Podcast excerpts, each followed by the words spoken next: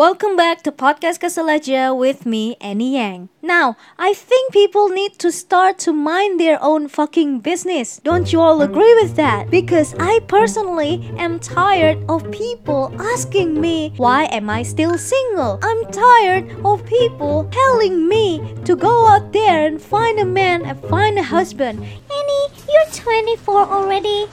It's bad for a woman to get married in their 30s. Go find a man, go find a husband, have a family, have a house, have a kid, be a housewife, quit your job, quit your hobby, pledge an allegiance to your husband. Now, if me being single is so bad, how's that third divorce going, Jessica? Huh? But that's the thing, right? We live in a society where our values are judged by do you have a husband, do you have a wife, kids, a house, a car, and blah blah blah blah. It doesn't matter if you're a doctor, it doesn't matter if you have a PhD, it doesn't fucking matter if you have a nice job and, and financial stability, it doesn't matter at all. As long as you're single, you're a fucking loser. You're a failure in the society, my guy. And then when I said, I don't think I want to get married in the future, I don't think I want to have kids in the future, they'll always double down and ask me again, So, do you you don't want kids like ever? like, bitch, I don't even know what I want to eat for dinner, let alone what I want to have in the future. And also, yes, I don't want kids. I fucking hate kids. Have you seen kids? Oh my god. But one thing for sure though, if I do have kids, I will abuse my kids. Not physically,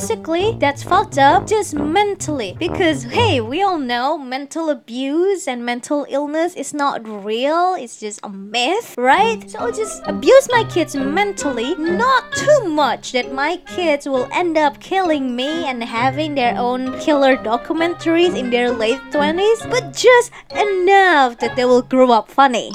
Now, if you're interested in hearing me talking shit, I will have a stand up special on February 14. Yes, that's on Valentine's Day. And no, you don't have a date. So come and watch my show. Go buy the ticket right now, right? You can go to tix.katawa.id and go buy your fucking ticket. Ozal will be one of the opening act. And in that stand up special, I will talk shit about feminists. Uh-huh. I know it will get a, a backlash, but hey, I don't care. Aside from that, I'll talk about online dating and how I met these crazy conspiracy theories on Tinder and many more. And also, when you buy a ticket, you'll get an exclusive access to my OnlyFans. So, what are you waiting for? Go buy a ticket, you fuck.